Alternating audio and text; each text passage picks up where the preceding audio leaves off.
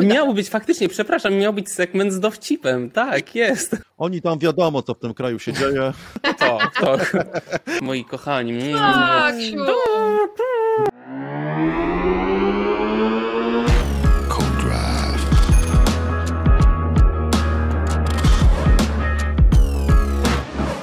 Witamy w Codrive przed Grand Prix USA na torze w Austin. Witamy my, czyli Aldona Marciniak, Cezary Gutowski i Maxim Kaplan, czyli ja. E, ale zanim przejdziemy, zanim przejdziemy do toru e, w Austin, to oczywiście plan gry na dziś, czyli Hey Hey USA. E, Cezary jest na żywo i to właśnie nam się stara pokazać. Następnie, czy poznamy już w ten weekend mistrza świata konstruktorów? Fotel dla Ricardo wciąż możliwy. Verstappen, czyli talent pokoleniowy. Ostatnie poprawki zespołów w tym sezonie, następnie pytania od widzów, ile waży koło trojańskie, ha, chodzi oczywiście o koło Formuły 1 i tematy luźne, czyli pewna rzecz, którą Lewis Hamilton powinien był opatentować, ale tego nie zrobił i teraz wszyscy to mają. Także ciekawe co to było. Dowiecie się na koniec. E, no ale USA i Austin, czyli stolica stanu Teksas i właśnie mój kapelusz jest, e, żeby celebrować to miejsce. Tor zaprojektowany przez Hermana Hilke, o którym już e, wspominaliśmy, to jest legendarny konstruktor torów, otwarty 1 października 2012 roku. Tego samego roku odbyło się tam też e, pierwsze Grand Prix Formuły 1 i to było pierwsze Grand Prix USA od 2007 roku na Indianapolis. Lewis Hamilton zdobył tam swoje ostatnie zwycięstwo dla McLarena. E, I taka ciekawostka, tor może wyglądać dla niektórych nieco znajomo, bo na przykład zakręty od 3 do 6 to niemalże kopia Maggots Beckett's. E, Maggots Beckett's z Silverstone. E, mamy eskę podobną do tej z Suzuki. No a zakręty między 12 a 15 naśladują sekcję stadionową z toru Hockenheim. Mamy również bardzo, bardzo bardzo szeroki zakręt numer jeden, no ale nie powinno Was to dziwić, bo w Teksasie wszystko jest większe, więc zakręt numer jeden też jest największy. E, jest to tor, który jest uważany za jeden z najlepszych, nowoczesnych torów w kalendarzu. Mm, I jeszcze jedna rzecz, zanim e, poprosimy Cezarego o wspomnień czar z USA. W Austin żyje jeden z niewielu gatunków zwierząt, które oprócz ryb całe swoje życie spędzają w wodzie. Jest to, uwaga, Barton Springs salamander, która żyje w Barton Springs w Austin. E, to tyle ode mnie, jeśli chodzi o Austin. Cezary, ty tam byłeś, hmm. jeździłeś, patrzyłeś. Tak, e, z grilla. E, była Salamandra. Nie, żartuję. Nie ten salamandry z grilla. No, hmm. Austin jakby no, nie. wiele, wiele wspomnień do mojej głowy przynosi. Kapelusz Maxa przynosi mi wspomnienie do głowy, jak widziałem, jak opuszcza tor Lance Stroll w 2018 roku i Lance Stroll tuszę po tym wspomnieniu, iż stanął na podium, gdyż na podium się dostawał taki kapelusz teksański i e, jak wychodził, to jego fizjo pyta, co zrobić z tym kapeluszem. On powiedział, weź go, wy... E, powiedzmy, że wyrzuć do śmieci. I to jakby jest przyczynek do historii na temat czarującego syna ojca swego. No, no. To mi przypomina inną historię na temat kapeluszy. Pamiętasz, jak uczuciowy, uczuciowy z lans, no. rajdu Meksyku z Leon, gdzie do ołówka E, bardzo wąskiego samolotu, który ma trzy miejsca w rzędzie, próbowano wpakować połowę rajdu, no i część to byli ci, którzy stanęli na podium, a na podium dostawano te wielkie meksykańskie kapelusze i oni próbowali je zabrać na pokład samolotu, więc wyobraźcie sobie to. Tak. E, przypuszczam, że teraz mam opowiedzieć tak lifestyle'owo, obyczajowo, e, problemy ulicy i tak dalej, a potem będę mówił o torze, tak? Tak, poprosimy Cezary, tak. tak. No to mhm. Byłem tak w Austin jest. raz taki, w taki mam plan na roku. A samo miasto nie zrobiło nam jakiegoś wielkiego wrażenia. To jest stolica te Teksasu i jakby sam ten centralny, centralny punkt, jego ten ich parlament i tak dalej jest bardzo ładny faktycznie. Natomiast no, poza tym jest to takie miasto, no nie jest może jakieś szczególnie małe, a nie jest jakieś wielkie, takie amerykańskie i pamiętam, że też byłem na kolacji dobrej z pewnym kierowcą wyścigowym była naprawdę zacna, ale poza tym e, jego zapadło w mojej pamięci jako miejsce bardzo, bardzo drogie. E, jeśli chodzi o mieszkanie. Dlatego zwróciłem się do takiego kolegi dziennikarza, Dietera, który ma dobrze rozkminione jakby na świecie różnego rodzaju miejsca i powiedział, że, spytałem go, gdzie Dieter znaleźć miejsce, żebym jakoś przeżył, tak przetrwał te, te wyścigi, no bo jeżdżę za swoje, bądź co bądź, od wielu lat. E, I Dieter mówi, musi sprawdzić taką miejscowość San Marcos, nie liczyć z Narcos, znaczy nie myli z, Narcos, San Marcos. E, więc pojechałem do tej miejscowości i znalazłem jakiś motel i ten motel w zasadzie kojarzył mi się z filmem To nie jest kraj dla starych ludzi. Tam są takie sceny, jak on idzie do takiego motelu, ukrywa pieniądze w tym wentylacyjnym i tak dalej. Tak, tak. No w zasadzie zastanawiałem się, czy w jakimś momencie nie podjedzie ktoś na przykład i nie zacznie strzelać. Ale generalnie nie było źle, poza smrodem papierosów w pokoju ostatecznie wyszło to całkiem, całkiem spoko. Druga fajna rzecz to była taka, że okazało się, że tam jakiś chyba największy outlet w Teksasie, więc w wolnych chwilach trochę go pozwiedzałem, zrobiłem dobre zakupy, jak to w Stanach Zjednoczonych. E, no, no, tak. A pamiętam nawet, jak przesyłałeś zdjęcie, w tak. Tych wolnych chwilach, no wiadomo, że to jest, time zone jest bardzo niekorzystny, więc w momencie, kiedy już ten, cała Polska spała, jeszcze miałem sporo czasu do zabicia, e, w San, w San e, Marcos, przyznam, tak, Marcos, nie za bardzo, nie za dużo było atrakcji turystycznych. Marcos. Pamiętam, że spytałem na recepcji kolesia w tym motelu, czy jest jakieś miejsce, gdzie, gdzie, gdzie można normalnie zjeść kolację, a on mówi, oh, you can go there, well, I like this place, było jakieś meksykańskie, pojechałem szczerze mówiąc, było to wstrętne, nie? W sensie, że wszystko takie, no, znaczy nawalone jak no, kilogramy i litry rzeczy i wszystko było niedobre. No ale tutaj nie będziemy marudzić.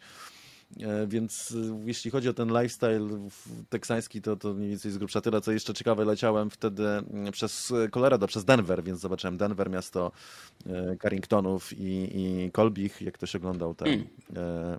jak, jaki był dynastię, tak? no to pamięta te czasy, to ten, no to właśnie to było tam. Nie, nie spotkałem Alexis, była taka alpaga. Alpaga to to nie wino, czar Alexis. Tak mi się przypomniało, bo to kolega widzą mi opowiadał. Tak, tak znaczący był to serial. E, natomiast samo Colorado okazało się bardzo, bardzo ładne. Spędziłem tam jeszcze po drodze właśnie za, tam za dwa dni, po prostu zwiedzając e, parki narodowe. E, I w zasadzie tak wyglądała moja wycieczka do, do Teksasu.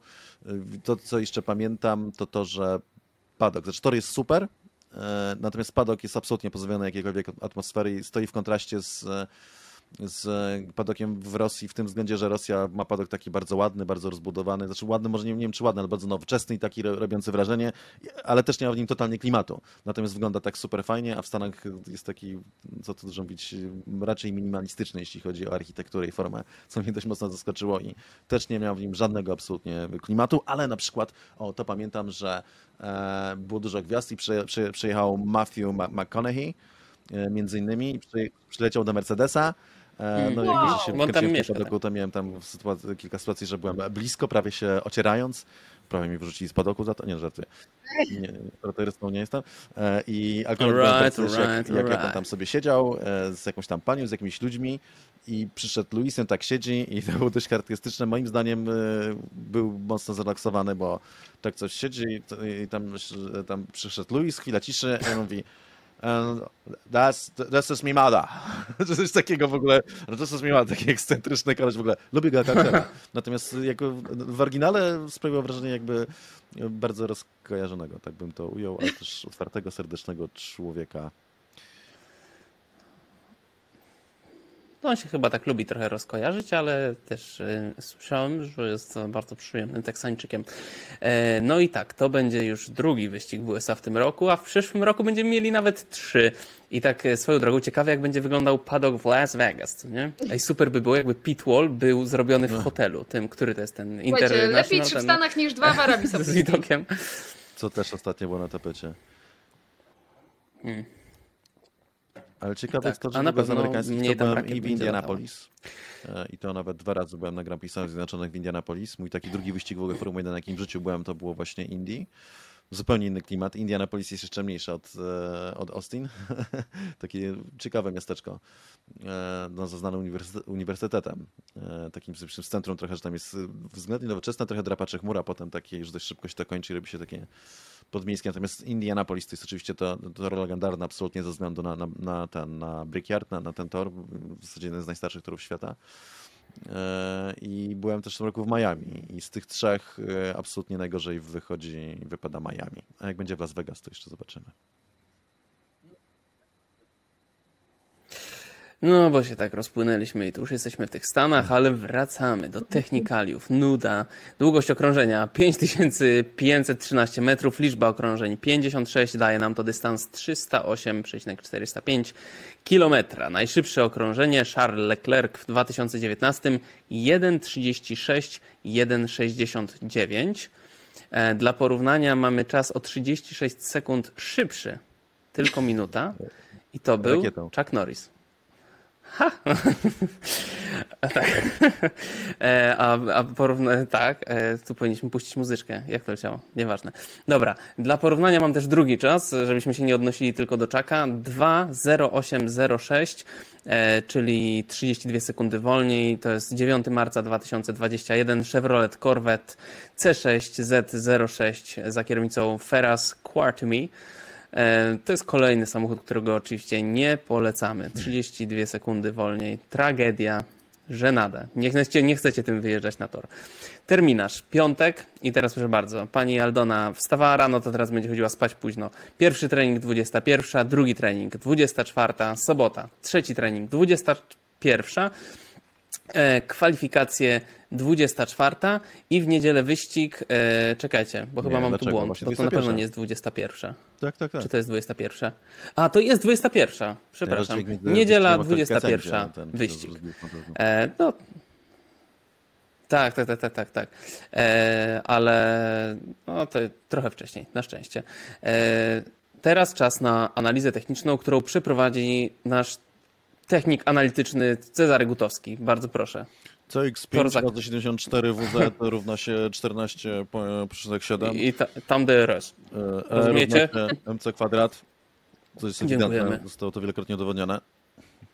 Co, zaraz, przepraszam, wetnę się. Okazuje się, że zostało to nieco obalone e, poprzez e, Nobla fizyki z, z, tego roku. Okazuje się, że Einstein nie do końca miał rację, ale to zgłębicie sobie sami. Proszę bardzo, analizator. Słuchajcie, Konrad bawi i uczy. Tak. Jakaś konfabulacja, jakaś nowa, nowa ideologia. No nieważne. E, wracając.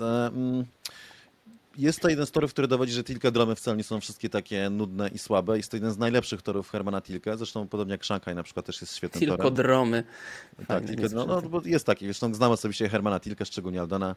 Dobrze poznała Hermana. E, w sensie, nie wiem, chyba się do niej trochę podwalał, a może i nie. No w każdym razie. Zaprojektować ci tor. Jest to, jest to gentleman, Y, który zakoniecznie wylewa, co prawda, ale jest przy tym bardzo serdeczny i, i wylewny i też oczywiście posiada ogromną wiedzę na temat e, Formuły 1, szczególnie budowy torów Formuły 1 i tego typu rzeczy, z którymi mieliśmy okazję spędzić trochę czasu i pogadać. E, jest po prostu otwartym człowiekiem, miłym. E, no w każdym razie zrobił tor, który jest bardzo szeroki, który ma e, bardzo ciekawy ten pierwszy zakręt. Nigdy tego nie widać w telewizorze oczywiście, jak to zwykle z podjazdami, ale akurat miałem okazję wejść, podejść tam pod górę potem i to jest naprawdę bardzo strome podejście. Po wyścigu e, potem sobie kicerzy są chodzą i okrążają ten tor i naprawdę dużo ich siedzi przy tym zakręcie, ogląda sobie. Ja akurat byłem w taki słoneczny dzień, bardzo ładnie to wyglądało. Ale to sprawia, że mamy opóźnione hamowanie, bo hamujemy pod górę, z szerokiego wejścia na bardzo szerokie wyjście, oprócz tego jeszcze jest wyasfaltowane pobocze, co oznacza, że jest sporo akcji e, w tym e, zakręcie i także na starcie. I szczególnie to jest reguła, że ktoś kogoś wywiezie poza torem, e, szczególnie po starcie, no bo tam jest dużo miejsca na zewnętrznej, to mi się wydaje, że raczej tego nie unikniemy. I potem mamy tę sekcję właśnie taką, ty mówisz Beckett Smagot, czyli mówimy o tej klasycznej sekwencji najbardziej uwielbianej przez kierowców Formuły 1 na Silverstone, gdzie no, liczy się docisk aerodynamiczny bardzo duży i są te gwałtowne kierunki z, zmiany jazdy. Suzuka, bardzo podobny fragment. I to jest coś, co e, jakby tygryski lubią najbardziej, więc mają taką sekcję, potem jest trochę bardziej, trochę więcej prostych i trochę więcej wolniejszych zakrętów, potem znowu długa prosta. Tor ewidentnie sprzyja wygry, wygrywaniu. No tak, na pewno. E, Lewisowi Hamiltonowi, bo on tam wygrywał seriami, natomiast ewidentnie sprzyja także wyprzedzaniu walce, co jest zadatkiem na dobry wyścig. Przypuszczam, że przy nowej formule jeszcze lepszy. Jego wada, która się ujawniła e, nie tak dawno temu, chociaż też już jakiś czas jest, y, wyboistość. Został tam zostawiony mhm. na, na wierzchnia w wielu miejscach, natomiast jest to dość miękka ziemia i wychodzą wyboje, co jest złą wiadomością dla Mercedesa, bo George Russell y, mówił, że jeżeli w jakimś miejscu jeszcze Mercedes ma wygrać wyścig, to będzie to właśnie Austin. Natomiast jeżeli będą znowu te wyboje, no to raczej Mercedes na nierównym, co tu dużo mówić, y, nie wymiata. Nie jest to Citroen, niestety ma swoje wady, więc, więc jeżeli faktycznie te wyboje wyjdą, będzie ich dużo, to raczej Mercedes znowu straci szansę, być może ostatnią na to, żeby wygrać wyścig w tym roku. Czy pani Aldona chce coś do... Dziękujemy. E, nikt nie jedzie z nas, prawda? Do Austin w tym roku? Nikt nie jedzie. Świetnie, będziemy tu na miejscu. Przechodzimy do tematów głównych, czyli Red Bull idzie na Mistrza Świata Konstruktorów. E, łamie dominację wieloletnią Mercedesa. E, I teraz tak, jeśli Ferrari ich nie wyprzedzi o 19 punktów e, już w Austin, e, to już w ten weekend Red Bull zostanie tym mistrzem. ale czy zostanie, to zależy też od pewnych innych czynników, mianowicie od afer finansowych. Niektórzy, niektórzy nawet napisali donos oficjalny. Coś słyszeliście o tym w ogóle? No, to się nadaje do pokłatuły. Um, nie, no słuchajcie, no oczywiście jest, jest, jest y, ciąg dalszy um, afery budżetowej. Zach Brown napisał um, do Formuły 1 y, list, Zach który... Brown, powiedzmy, że Dodajmy tak, Zach, Zach Brown, bo, bo jest mhm. dwóch z ważnych Brownów. Tak, tak, Zach, tak, tak, Zach Brown. Nie no, chyba Ross Brown sam do siebie by nie pisał.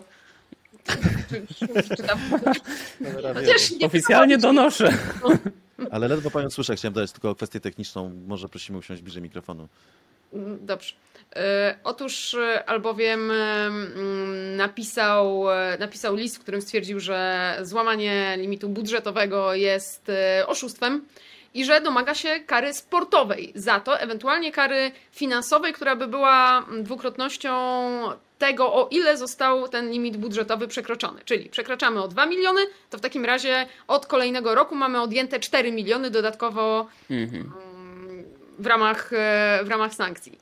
I oczywiście ograniczenia w CFD, ograniczenia w tunelu aerodynamicznym. Sytuacja jest o tyle śmieszna, że gdy tylko e, limit budżetowy wprowadzono, McLaren i Ferrari były tymi zespołami, które jako pierwsze powiedziały, że one i tak na pewno go przekroczą, że się mm, nie da tego, nie da tego zrobić. E, ostatecznie tego nie zrobiły, dostały te certyfikaty. Certyfikatów nie dostał e, Red Bull, Aston Martin i Williams. Chciałem, tak... Halo, halo, halo, halo, coś tu jest. Houston, Houston, mam problem. Wet, weto nie pozwalam, słucham. Certyfikaty są za, za, za zeszły sezon, a Ferrari i McLaren mówiły, że przekroczono limit w tym sezonie. E, tak, tak, tak, tak, tak, of course, of course. E, masz słuszność. Natomiast e, wracając, z powodów proceduralnych, także, no bo wiemy, że są te, te różne przekroczenia. W ogóle to jest śmieszna sprawa z tym limitem, ponieważ tak naprawdę to wszyscy się trzymają tych 145 za zeszły rok, a to wcale nie było 145 za zeszły rok, tak jak za ten rok wcale nie 140 ponieważ tak naprawdę oni dokładają, czyli dokładają milion dwieście za każdy wyścig powyżej 21 i do tego jeszcze dokładają, e, jeżeli informacja o tym, kiedy przyszła, e, znaczy od tego, w którym momencie zespoły się dowiedziały, że będzie, że będzie wyścig e, więcej albo będą zmiany w kalendarzu. W związku z tym, jeżeli ten deadline jest późny, no to jeszcze, jeszcze dokładają. I tak, w sumie ten limit na zeszły rok wynosił 148,6 miliona dolarów. E, w każdym razie do tego dochodzi jeszcze zabawna kwestia e, Adriana Newaya o której może tak, wy więcej tak, powiecie, powiedzieć. bo widzicie, ja na przykład jestem w tym momencie, w którym się zastanawiam, czy etat jest lepszy, czy samo zatrudnienie i okazuje się, że to ma znaczenie w Formule 1, to ma bardzo duże znaczenie. Tak, więc przybliżmy, okazało się, że Adrian Newey ma swoją firmę i jest zatrudniony e, przez Red Bulla na fakturkę E, I oni to wliczyli, ponieważ e, zasada jest taka, że trzy największe pensje wśród pracowników e, nie wliczają się w budżet, więc oni tego nie wliczyli. Natomiast formuła FIA, przepraszam, wliczyła w związku z tym, że to było na tą właśnie rzeczoną fakturkę. I widziałem w internecie bardzo, y, bardzo taką y, ognistą dyskusję, acz kulturalną, jak na Twittera. Y, I tam jedni mówili, że przecież to jest co, że w takim razie wszyscy programiści, na przykład, którzy pracują na samozatrudnieniu, nie są tak naprawdę pracownikami, bo pracują na samozatrudnieniu, a inni mówili, że skoro to jest na fakturę, to w ogóle się to absolutnie nie powinno tak liczyć i powinni totalnie za to, że tak powiem, beknąć. E, ja Absolutnie. jakąś niekonsekwencję, no. dlatego że e, Trzeba zgłębić ten temat, bo ja coś o tym liznąłem to, ale tego nie, nie doczytałem. E, jest przepis, który mówi, że trzech najważniejszych pracowników tak. nie jest objętych limitem budżetowym. Więc... I teraz pytanie, czy będąc, będąc zatrudniony jako firma jesteś pracownikiem, czy nie? Red Bull twierdzi, że tak, a FIA twierdzi, że nie, ponieważ Adrian Newey pracuje jako swoja firma. Adrian Newey Car Parts. Czyli de facto tak naprawdę e, z moralnego punktu widzenia tym bardziej Red Bull ma rację, tak? Dlatego, że e, jeżeli on tak zalicza do limitu budżetowego to, co ma prawo zliczyć do limitu budżetowego, czy jednego z, z głównych pracowników, a tylko decyduje o tym forma rozliczenia, no to w tym tak. momencie, a FIA im dowaliła więcej pieniędzy, dlatego że uznała, że jego nie możecie objąć tym wyjątkiem, którego by mogli objąć, gdyby był na etacie, no to w tym momencie, gdzie, gdzie mamy winę, nie? To chodzi tylko o jakieś kwestie proceduralne i interpretacyjne. Absolutnie jest to z duchem przepisów wtedy Red Bull postępuje, no bo trzech najważniejszych pracowników nie liczysz do limitu budżetowego. Też jestem tego zdania. To prawda, natomiast wiesz, jakby tego typu, tego typu wątpliwości jest y, o wiele więcej. Dodajmy jeszcze, że ta wiadomość pochodzi z y, Zigo, z holenderskiego źródła, więc no, można ją uznać za Oni naprawdę... tam wiadomo, co w tym kraju się dzieje. To, kto, kto był w Amsterdamie, ten widział. Bog. Jeżeli coś pamięta jeszcze z tego, co był. Tak. Więc, więc to, jest, to jest na pewno źródło, któremu możemy ufać. Natomiast wiecie, ja jeszcze um, czytałam analizę Martina Schmidta, który tak trochę w zabawny sposób pobawił się tym, co jest wliczane, a co nie jest wliczane w, do limitów budżetowych. I tam naprawdę... skoczka narciarskiego? E, e, prawie. E, powiedziałam Martina? Jezus Maria, tak. Michaela. Martin Schmidt, zawsze w moim sercu. Natomiast, natomiast tam jest mnóstwo niekonsekwencji. Na przykład, jeżeli masz kantynę dla swoich pracowników w fabryce, to musisz to wliczyć, musisz się zmieścić w limicie budżetowym. Jeżeli karmisz swoich pracowników w padoku, to się nie liczy już do limitu budżetowego. No, wiecie, no, durnoty, natomiast, natomiast to się o takie rzeczy też rozbija, więc y, mam wrażenie, Róbcie że to... w padoku kanapki i zabierajcie potem na cały tydzień, bo nam się to nie wlicza. Exactly. E, I to tylko pokazuje, że tego typu dziur, luk i problemów i definicji pracownika jest y, bardzo dużo z limitem budżetowym i cała ta koncepcja y, ma po prostu pewne luki, które cały czas trzeba dopracowywać. Wróćmy jeszcze na sekundę do McLarena i do Zaka Browna i do jego donosu. On mhm. argumentuje, że, że e, ostatni rok przed wprowadzeniem limitów był rokiem na brudno, kiedy już musieli się tego e, trzymać, mogli sobie przećwiczyć bez żadnych, e, bez żadnych konsekwencji, natomiast na brudno wszyscy próbowali. Więc nikt nie ma prawa mówić, że był czymś tam zaskoczony, ponieważ na bieżąco wtedy można było się konsultować z FIA odnośnie tego, co wolno, a co nie wolno. No ale no, Może to był rok próbny, oni wpisali, że New Way jeden z trzech pracowników i po prostu nikt tego nie dochodził, bo nie musiał. No i wiecie, no jakby jeszcze ostatecznie jeszcze jedna rzecz, bo e, co jest tutaj e, języczkiem uwagi. To, że te 7,5 mm, miliona, które by stanowiło przekroczenie z, z, z kategorii tych mniejszych, to jest e, mnóstwo pieniędzy na poprawki i zespoły w zależności od tego, gdzie spytać, uważają, że na poprawki w całym sezonie wydają po 4 miliony. 4 miliony to jest budżet na poprawki samochodu przez, przez cały sezon. No i tutaj wracamy do tego, co Mercedes, czego Mercedes i Ferrari nie były w stanie zrobić w tym sezonie, a co Red Bull był w stanie zrobić w tym sezonie. I to nam tak naprawdę prowokuje całe to domino i całą dyskusję wokół limitów budżetowych Red Bulla. Powiem tak, że bo ja, podejście moje jest takie, że Red Bull kombinował jak wszyscy kombinowali, Red Bull przesadził e, i faktycznie należy im się jakaś kara, ale ponieważ regulamin został zawarty w taki sposób, w jaki został zawarty, czyli zostawiono 5% zapasu, które ma być drobnym przekroczeniem, to nie mają prawa ich ukarać mocno, dlatego że sami sobie wszyscy za zgodą zostawili ten zapas. Co więcej, e, on top of jak to się mówi po zagranicznemu, dwie jeszcze ekipy, Ferrari i McLaren zapowiedziały, że z premedytacją złamią ten limit budżetowy w tym sezonie, ponieważ e, no, to, to była walka o to, żeby podwyższyć limit budżetowy na ten sezon. Więc ewidentnie nagle w momencie, kiedy to odeszło, to nagle robi się taka nagonka na Red Bulla i wszyscy zaczynają demonizować i szukać wszelkich sposobów na to, żeby temu Red Bullowi jak najbardziej dowalić. Więc mi się jakby w kontekście tego, co się dzieje właśnie o tym, o czym rozmawiamy, czyli tego nie WIA i tych kwestii kantyny, tak, że może warto zrobić stówkę po prostu, żeby pracownicy sami płacili za funta, nie? W sensie i ten hmm. subsydiowano czy coś takiego to w tym momencie no, zaczyna się z tego robić po prostu taka już typowa Formuła 1, już przestajemy wchodzić na takie moralne, e, moralne rozważania typu, że Red Bull, Red Bull oszukuje i tak dalej, co też się rzuca i myślałem, że się za tym kryje choć trochę prawdy, a wchodzimy znowu do typowej Formuły 1, czyli po prostu co by się nie wydarzyło, to staramy się, co prawda wczoraj sami mówiliśmy, że zrobimy to samo, ale nie musieliśmy, bo i tak e, nie mieliśmy szans walczyć, no to dziś będziemy mówić, że za coś takiego powinno się rozstrzelać, mniej więcej tak to wygląda. Czyli typowa Formuła 1. Wydaje mi się, że trzeba to jakoś wypośrodkować. Formuła 1 nie jest w stanie już nic z tym zrobić. Eee, chyba. może w mm. tegorocznych mistrzostwach, nie wiem, ale to już nie, nie, nie ma czasu na, na decyzję zabrać punkty Red Bullowi i Maxowi, co i tak im nie odbierze tytułu mistrza świata, przecież nie mogą mi zabrać miliona no. punktów, tak? Jest to jakaś, musi być jakaś to kara powinna być, e, no nie wiem, adekwatna do przewinienia, które jest szacowane na 2 miliony, na 2 miliony dolarów i do tego jeszcze dyskusyjne, no nic z tego nie nastąpi.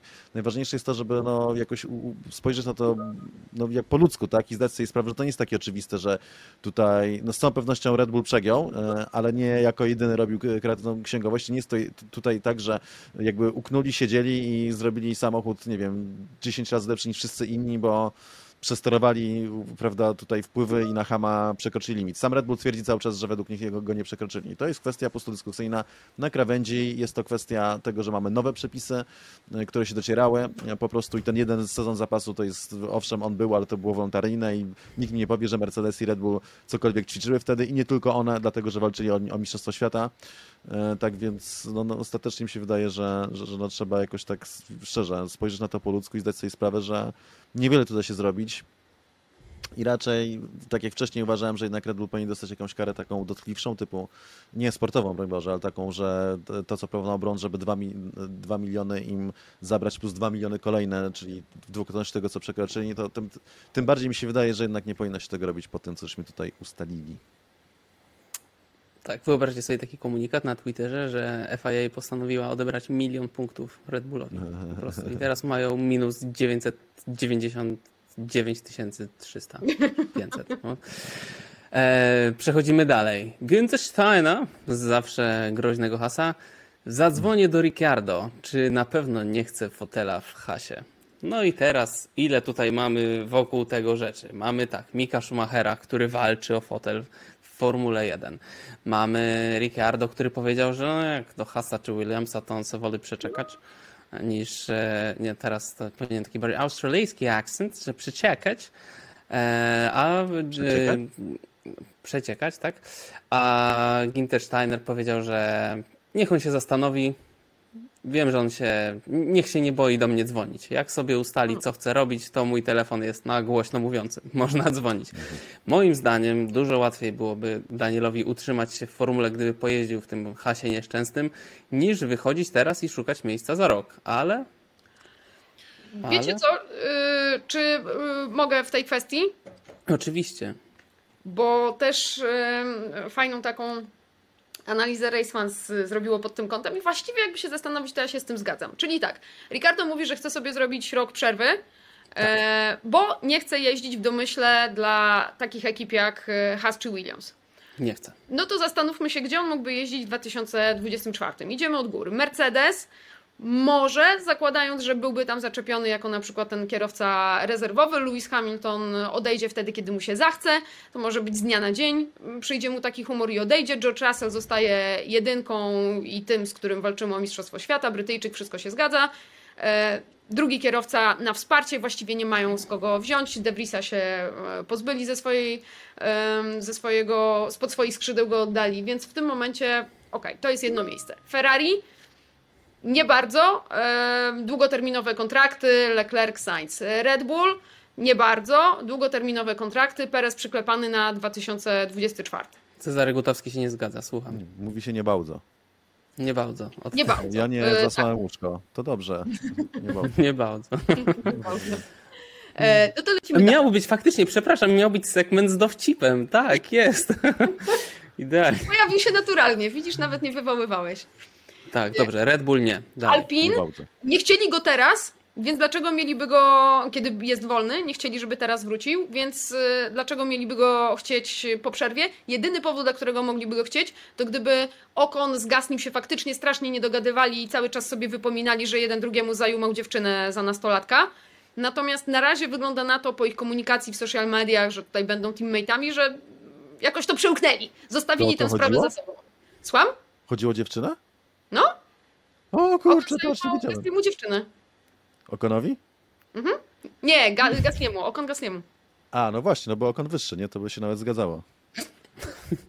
Gasly za długo siedział na telefonie na Instagramie. I ona, ej, ej, tam Okon, bonjour. Już. Désolé. Désolé, bizu. Co poszło? To, to, to jest właśnie przykład radia z przyszłego sezonu. Désolé, bizu. No. E, McLaren, no to McLaren. E, Alfa Romeo, Valtteri Bottas na długim kontrakcie, drugie miejsce dla, szykowane dla Theo Purszera, a jak nie, to też pewnie jakiś driver mniej lub bardziej komercyjno-polityczny. Plus, I co nam zostaje? Alfa no? Romeo nie jest kandydatem na zespół walczący o cokolwiek więcej. Oczywiście. Czyli I Aston Martin, gdzie multi-year, przypominam, multi-year kontrakt ma Fernando Alonso, Alan Stroll będzie jeździł, póki mu się nie znudzi. Co nam zostaje? Bo mi został Hassie Williams. E, więc tak naprawdę jedyną, czyli to, czego Ricardo nie chce, y, bo, bo nie. Więc y, jedyną opcją, moim zdaniem, rzeczywiście dla niego jest zaczepić się w Mercedesie i liczyć na to, że Lewis Hamilton odejdzie i wtedy, i wtedy tam dostanie szansę jako pomagier dla George'a Russella. Lewis Hamilton, który zapowiadał, że chce zostać w Formule 1 przez 5 lat, do czego się nie przywiązywał, on już wiele rzeczy zapowiadał, opowiadał, tylko nie zawsze było to.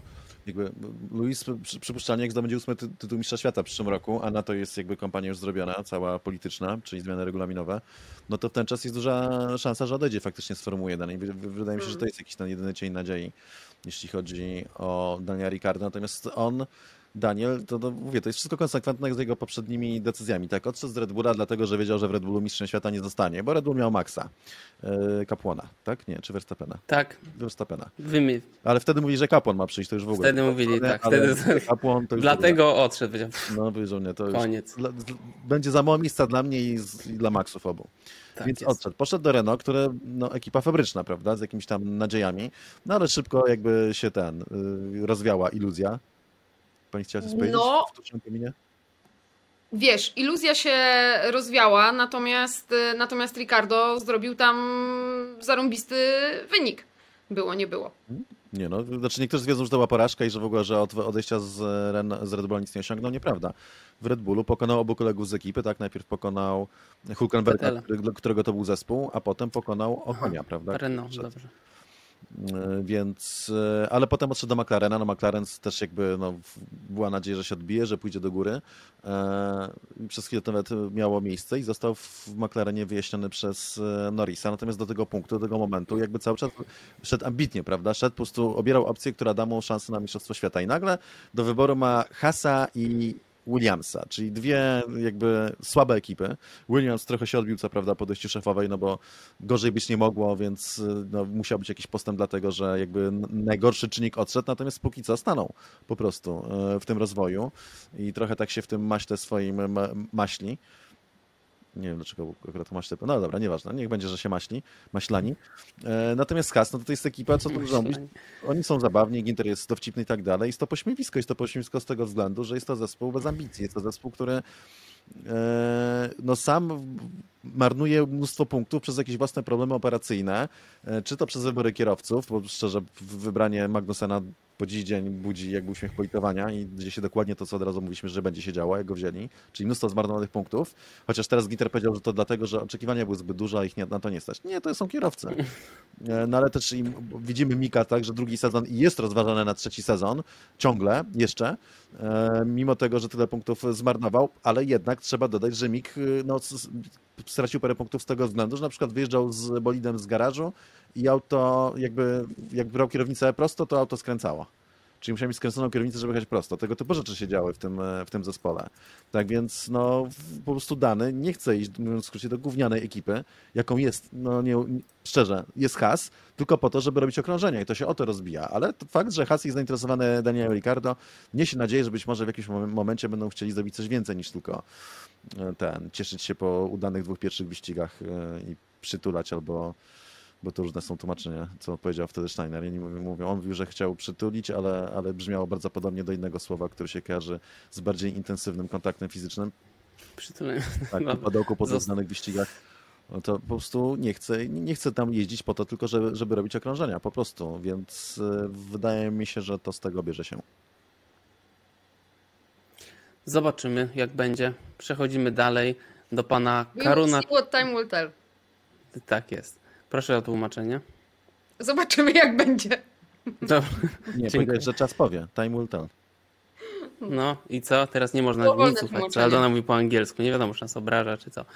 Proszę Państwa, Karun Chandhok. Nie wiecie, nie wiecie, kto to jest? Ja też nie wiedziałem, ale sobie sprawdziłem. Jest to kierowca Formuły 1 w sezonie 2010 dla teamu Hispania no, Racing. Komentatora Sky nie znasz? Uu. Nie, tego nie. Tego konkretnego nie znam. Na ile e, F, F1, wiadomo, jak Aldona jest. F1 Team. w sezonie 2011 pełnił funkcję kierowcy rezerwowego w zespole Team Lotus i jest też, uwaga, ambasadorem Grand Prix Indy Formuły 1. A to no, już nikomu nie płacą, wiesz? To chyba tak, chyba już. Chociaż w sumie może być jak tam może jest. Otwarta. Może jest. E, słuchajcie, on wypowiedział się natomiast o troszkę bardziej znanym kierowcy Formuły 1, Maxie Verstappenie. Powiedział tak, to talent, który zdarza się raz na pokolenie.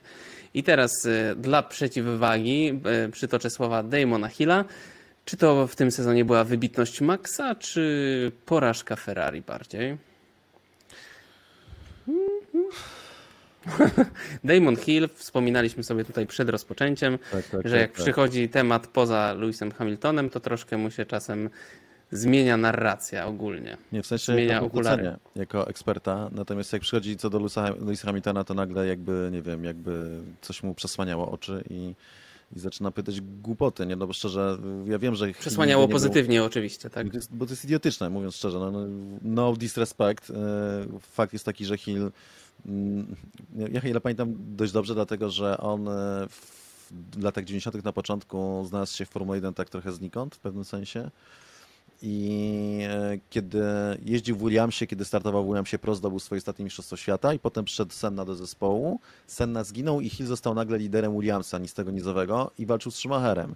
I mimo tego, że Williams miał tam większe problemy w 1994 roku, to co do zasady był lepszym zespołem niż Benetton, miał na pewno lepszy silnik, miał silnik od Renault, no i generalnie wy, wyszli z tych początkowych problemów. Williams był projektowany przez Adriana Newey'a, był domi, dominującym bolidem w poprzednich sezonach, był lepszym bolidem po prostu.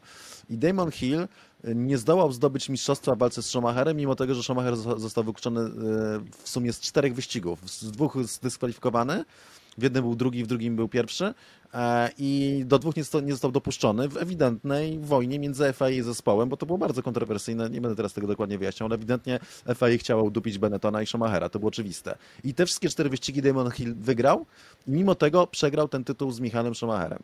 W końcu wymęczył tytuł w 1996 roku, kiedy Schumacher odszedł do Ferrari z Benettona po drugim mistrzostwie i mało co nie przegrał z Villeneuve'em, z Jacques'em Villeneuve'em, który przyszedł do Formuły 1 i debiutował w Formule 1 i prawie pokonał Hilla. Więc to nie był jakimś nigdy wybitnym kierowcą. Miał, fakt, miał jeden taki super start w 1997 roku w Grand Prix Węgier, prawie wygrał w Arrow jadąc. W ogóle to było takie wow. No, Natomiast generalnie to nie był nigdy kierowca z najwyższej półki. Więc to jest tytułem wprowadzenia co do Damona Hilla. Natomiast ekspertem jest bardzo dobrym. Natomiast ilekroć przychodzi kwestia Hamiltona, no to no ewidentnie jakieś mu coś ten odbija. E, nie, nie rozumiem, jak były kierowca wyścigowy, tak, gdyby on był faktycznie dobry i wiedział do, dokładnie, co się dzieje, jak może w ogóle negować, bo to nie jest kwestia tego słabego Fera i to jest kwestia tego, jak Verstappen zachowuje się na torze, w sensie jak startuje, też znaczy, jak jeździ kwalifikacje, jak startuje, jak wyprzedza kogo w jaki sposób, jakie podejmuje decyzje, jak kontroluje samochód, jakie błędy popełnia, jakich nie popełnia, to się wszystko składa na obraz kierowcy absolutnie fenomenalnego, który owszem ma jakieś tam swoje niedociągnięcia i słabości, ale co do zasady jest po prostu kapitalnym kierowcą, moim zdaniem najlepszym kierowcą Formuły 1 i w momencie, w którym Hill tego nie dostrzega, rzuca takie pytanie, no to albo uprawia jakąś tam demagogię, albo po prostu no, nie ogarnia, nie? W sensie, co mnie dziwi. No bo no szczerze, to głupie, głupie postawione pytanie. No jest oczywiste, że owszem, Ferrari dało ciała, no bo gdyby nie to, no, no Leclerc miałby wiele więcej punktów, ale to nic nie, nie umuje temu, nic nie umuje jeździe Verstappena, który jest fenomenalnym kierowcą. Tak, Verstappen jest fenomenalny. Czy powiedzieć o tym, że jest jedynym na pokolenie, to nie wiem, czy może odrobinkę nie za mocne, no bo czy Charles Leclerc aż tak koszmarnie wielce od niego odstaje, żeby powiedzieć, że on też nie jest, y, no od, odstaje, wiesz, to już ustaje. To nie chodzi o to, żeby odstawać koszmarnie wielce, to chodzi o to, żeby odstawać o te ostatnie 2-3%. Okay, rozumiem. Dobrze, dobrze, przemawia to do mnie. robi no, no to jest. największą różnicę. Przemawia to do mnie, co, co mówicie, dobrze.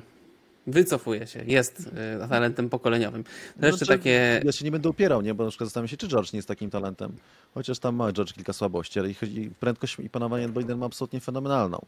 Teraz trochę przygasł w tej drugiej części e, sezonu, to trzeba przyznać, czy może jeszcze pogadamy. Natomiast no, z całą pewnością nie można odbierać, nie można odbierać Verstappenowi tego, że jest kierowcą fenomenalnym, no jednym z najlepszych kierowców w historii tego sportu. Podobnie jak i Lewis Hamilton, jest to kierowca z tej samej półki. Przechodzimy dalej do następnych tematów, troszkę krótszych, mniejszych, o poprawkach rzecz. E, do USA Mercedes przywiezie ostatnie poprawki w tym sezonie. E, to będą tam nie za dużo o tym chcieli mówić, ale to były poprawki, jeśli chodzi o kwestie aerodynamiczne i odchudzenie bolidu, jak powiedział Andrew Shovlin z Mercedesa. To ma nam przede wszystkim pomóc przed następnymi sezonami, ma nam pomóc zrozumieć jeszcze lepiej tą konstrukcję. To jest taka mantra, co? którą powtarzają od pierwszego hmm. wyścigu, że coraz lepiej rozumiemy tą konstrukcję, coraz lepiej. Z kolei Ferrari e, ostatnią poprawkę wprowadziło w Japonii, to była podłoga. E, Red Bull planuje jeszcze bardzo dużo poprawek, bo mają tyle kasy. nie, nie no, aż tak to chyba nie. Możemy porozmawiać w sumie, odbić się do tego George'a, bo George właśnie mówił o tym USA, że oni tu e, mogą, to, że to może być ten ostatni moment na zwycięstwo dla Mercedesa. E, z kolei są te wyboje, które mogą pokrzyżować te plany, no ale będą te poprawki, zobaczymy. No i że ta kwestia tego, że faktycznie e, George Russell nieco przygasł po tym, po tym fenomenalnym, po tej fenomenalnej serii powyżej piątego miejsca, teraz tak no było oczywiście cofnięcie na starcie, tak, bo wymieniali części, więc tam nie mógł walczyć o czołowe pozycje, no ale faktycznie troszkę przygasł. Zgoda tak czy nie zgoda? Teraz. Tak, ja też aż, tak mówiłem o tym razem, że aż Chryste Panie. Dobra, nie, idę z tego, wycofuję się. E, jest jeszcze jedna ważna rzecz. Pojedzie e, kilku juniorów i taki jeden mniej junior mm, w USA w treningach. Mamy Logana Sergeanta w Williamsie, to jest czwarty Amerykanin, który pojedzie w Formule 1 e, w oficjalnej sesji oczywiście. Znaczy w ostatnich Proszę. latach. No tak, tak, tak, tak, tak. Chodzi, tak, skrót myślowy, chodzi, chodzi mi o, o, o, kilka ostatnich lat. E, mamy Theo, o nazwisku którego zawsze nie wiem, jak mówię, Purcher. Tak, Purcher. Purcher, e. Mamy Alexa Palu w McLarenie e, oraz tego mniej e, juniora Antonio Giovinazziego w Hasie. Po którymś się spodziewacie więcej, po którymś mniej? No Widziałem no ostatnio taką... Zwycięży. Yy, nie, dwie rzeczy takie ważne tutaj. Znaczy, po pierwsze, Purcher, pierwsza oficjalna sesja, to jest kierowca, on miał jeździć w przyszłym roku w Alfie Romeo, ale nie zdobył mistrzostwa, takie miał chyba ultimatum. Mi się wydaje, że Fred Wasser to tam bepchnął w ogóle, bo Fred to go ubóstwia, ale przypuszczam, że tam złożył jakieś tam deklaracje być może przed właścicielami ekipy, plus Joe zrobił dobrą robotę, Joe przynosi dużo kasy, więc Purcher szykuje się tak naprawdę na kolejny sezon bardziej. Jak mi się wydaje, jest to pupil szefa, no i ciekawe będzie zobaczyć, jak sobie radzi. Logan Sargent to jest bardzo ważne nazwisko, dlatego że jest to jeden z tych Amerykanów, którzy mają szansę mieć punkty na to, żeby wejść do Formuły 1. Tego Amerykana Williams ma, więc jeżeli e, on te punkty utrzyma po ostatnim wyścigu, musi być, zdaje się, pierwszej piątce e, Formuły 2 i jakoś się spisze w, tych, e, w, tych, w tym treningu, a potem w testach w Abu Zabi posezonowych, to jest duża szansa, że będziemy mieli Amerykanina Formuły 1, więc to jest akurat to jest osoba, na którą trzeba patrzeć dość uważnie na to, co się z nim dzieje. No i oczywiście Antonio Giovinazzi mówi, że walczy o fotel w hasie. E, Ginter Steiner to bardzo tak jakby stara się hamować te zapędy i mówi, że ten, że to bardziej chodzi tranquilo, o to, że, tranquilo. Tak, tak, że to Ferrari poprosiło, żeby dać mu trochę miejsca w samochodzie, czasu, żeby, no bo to jest rezerwowy kierowca, natomiast oczywiście e, Giovinazzi będzie chciał pokazać, że, e, że zasługuje na fotel powrotny do Formuły 1 i powiem szczerze, jakbym miał wybierać między Mikiem Schumacherem a Antonio Giovinazzi, zawsze brałbym Giovinazziego. Podobnie zresztą, e, czym wzbudziłem pewne kontrowersje w sieci, nie wiedzieć czemu. Podobnie z Magnusenem, nie? W sensie, że jak miałem wybierać Magnusena i tego, i Giovinazziego, to wziąłem Giovinazziego. Mm, I wydaje mi się, że to są takie główne te główne kierunki. A poza tym, no to oczywiście jeśli chodzi o tego, o, szczególnie o McLarena, nic nie mówiąc panu Palu, no to jednak mamy ten przepis, który mówi, że panu każdy Palu. zespół musi wystawić w każdym samochodzie e, raz w sezonie kierowcę młodego, który nie przejechał więcej niż dwa Grand Prix Formuły 1. W związku z tym po prostu no, wiele się nazwisk jeszcze pojawi w tych treningach i pojawiało się, pojawi, które niekoniecznie mogą się znaleźć w Formule 1. Dobrze, moi drodzy, uwaga. O, ma... Pytania od widzów. Wróciło ukulele. Tak jest. A nie miało być. Nie, to jest po drugim, po A, tematach okay. luźnych. No tak się przygotowałem. No będzie, będzie, będzie. Uwaga, pierwsze pytanie. I czuję się tu jak Michał Pol od Emila Kapusty. Mhm. Emil, pozdrawiamy cię. Serdecznie. E, pytanie jest takie. Ciekawi mnie, ile waży kompletne koło, które mechanicy zakładają na piastę podczas postojów. I słuchajcie, myśleliśmy, że to jest takie proste, że wpisujesz... Ja odpowiem, ja odpowiem bo Cezary może odpowiadać na pytania Emila w pole position, a ja już nie mogę, więc, więc ja się wyrywam. Przednie 18, tylne 21.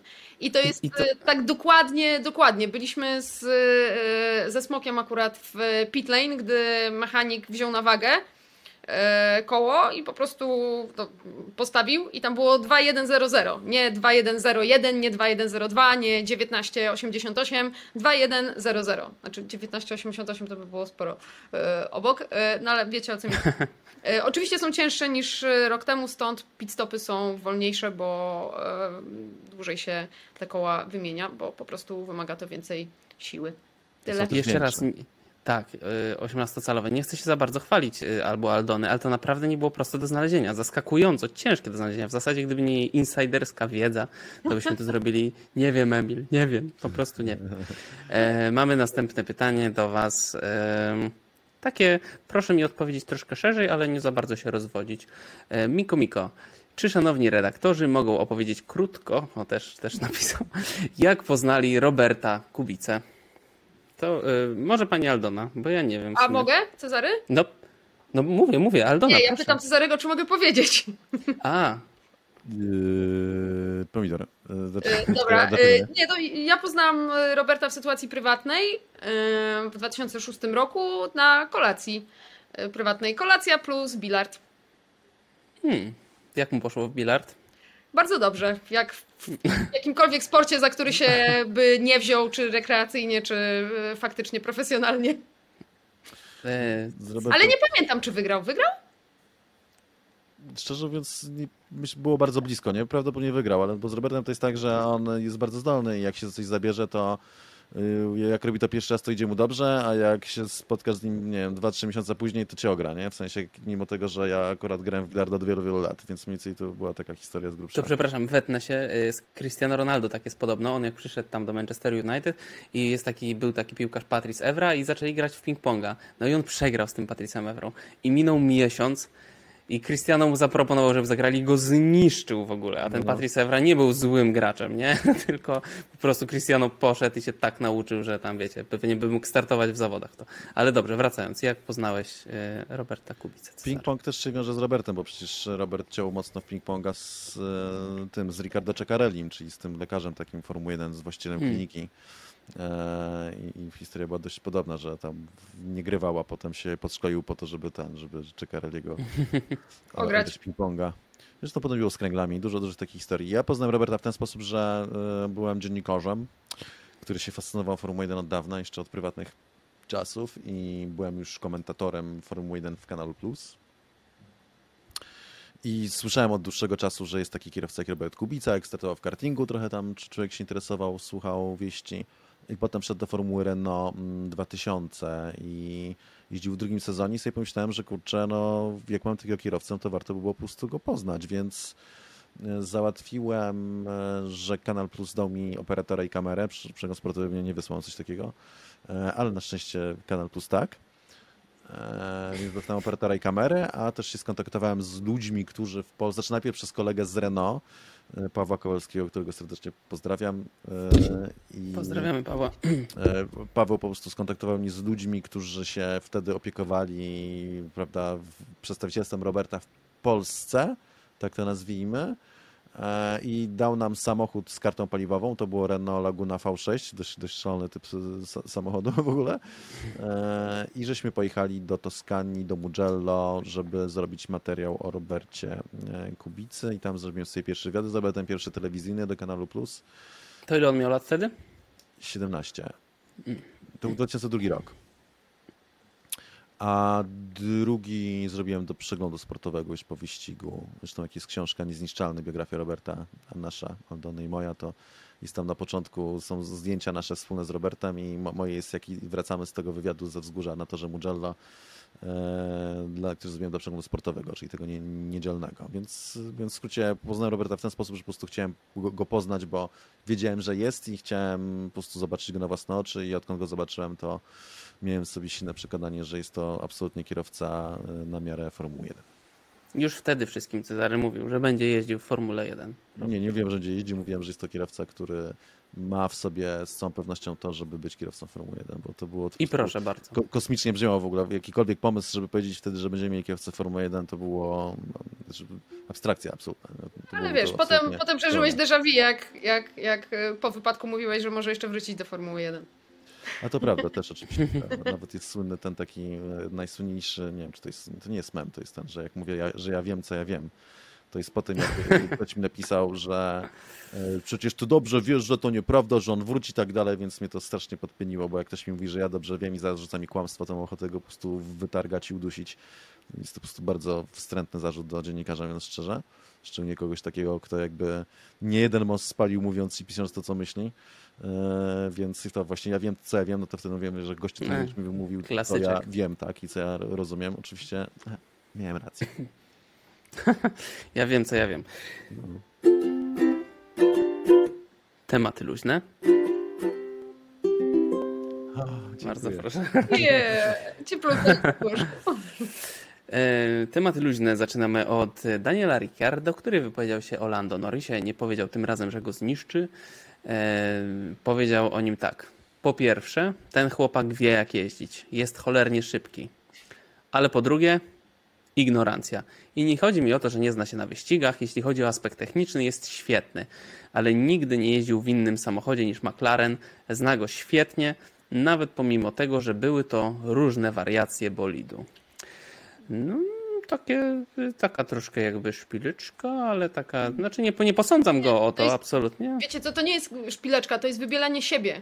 To jest hmm. odbijanie się od tego, że Daniel hmm. Ricciardo był bardzo dobrym kierowcą w Red Bullu, był doskonałym kierowcą w Renault i był beznadziejnym kierowcą w McLarenie. W McLarenie dwóch generacji i od razu mówił, że McLaren nowej generacji, czyli ten tegoroczny, ma w sobie bardzo wiele cech zeszłorocznego, które sprawiają, że on ma problemy. Więc to jest Daniel Ricciardo, który mówi um, sam o sobie, że on, mhm. nie, on sobie nie poradził z tym konkretnym samochodem i tak naprawdę tyle wiemy o kierowcach, ile ich sprawdzono w różnych bolidach. E, to tak naprawdę mówi Daniel Ricardo e, w tym cytacie. O sobie samym.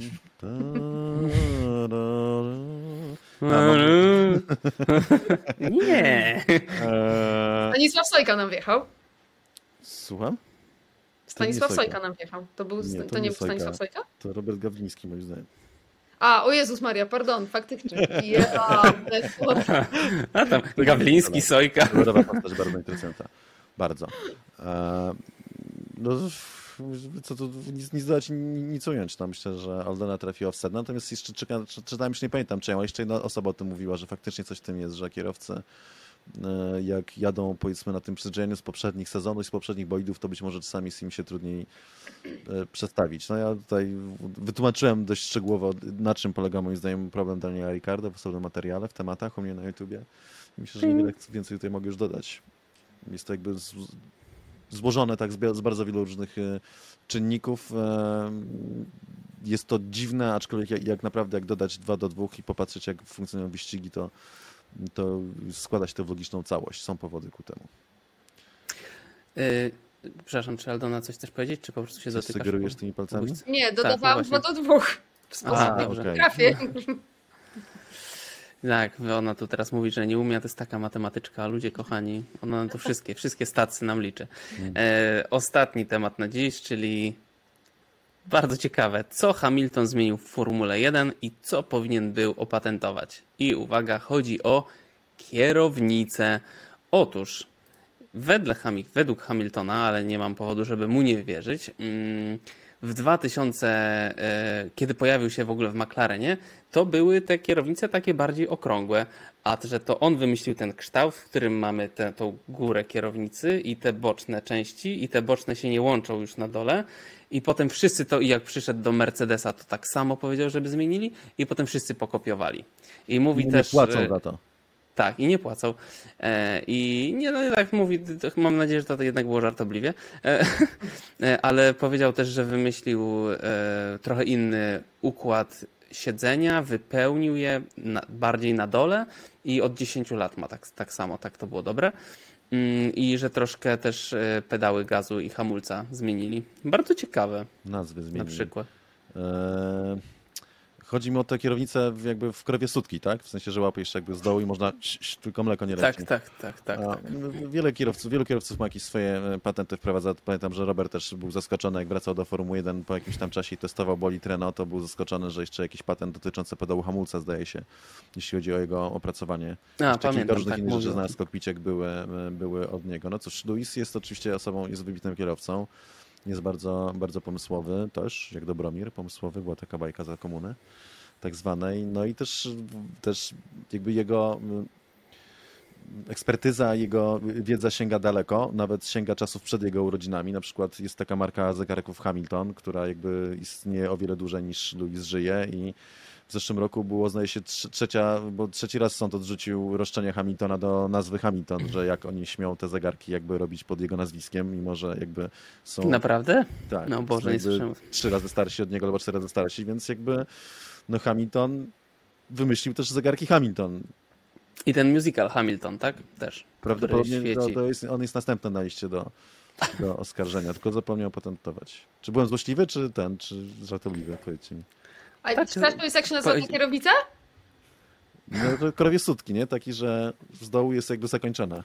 Znaczy nie jest zakończona, tylko takie zwisa, że jakby, jakby ciągnąć ksz, ksz, ksz, to mogłaby, mogłoby lecieć myjko. Nie, myślę, że y, zabawność i złośliwość była tak 50-50. E, nie wiem, o jaką złośliwość podejrzewacie, ale okej. Okay. Nie, no przecież jesteśmy klaunami, którzy się z ciebie śmieją. Zanim zakończymy, chciałem jeszcze powiedzieć, e, że obchodzimy dziś wszyscy rocznicę, bo to jest nasz dziesiąty wspólny co-drive, moi kochani. Tak, Udało się. E, tak, bardzo się cieszę. Nie miałem wątpliwości, że będzie nam się dobrze pracowało. Bardzo się cieszę. Oby kolejnych 110 przed nami. Czekajcie, ile to będzie sezonów? Jak będzie tyle wyścigów, co teraz, to ze cztery. cztery ale tak, na przykład tak. może, na przykład jak będą powiększać, to dwa. Czyli co, e... na 4 lata mówisz? Tak, y, multi-year contract mam po prostu. Dziękujemy Wam bardzo. Ja dziękuję Wam po pierwsze, ale dziękujemy Wam też słuchacze i widzowie za oglądanie i słuchanie. Zadawajcie pytania w komentarzach. Możecie pytać absolutnie o wszystko. Y, postaramy się odpowiedzieć też absolutnie o na wszystko, na wszystkie pytania. Mm, dziękujemy Wam bardzo raz jeszcze. Znowu ja dziękuję. I My. widzimy się, słyszymy w propsach, słyszymy się w propsach i disach po Grand Prix Austin i życzymy Wam udanego wyścigu i udanych kwalifikacji. A jak ktoś jest, to niech nam wysyła zdjęcia z Austin. Jak tam jest, mam, i chyba nie będzie deszczu w tym roku, przepraszam, w tym, e, w tym, w ten weekend, prawda? Tam się chyba nie zapowiada raczej. Tam się rzadko zapowiadają deszcze. No dobrze, dziękuję Wam bardzo. See ya. Dzięki wielkie. Thank you, thank you. Thank you.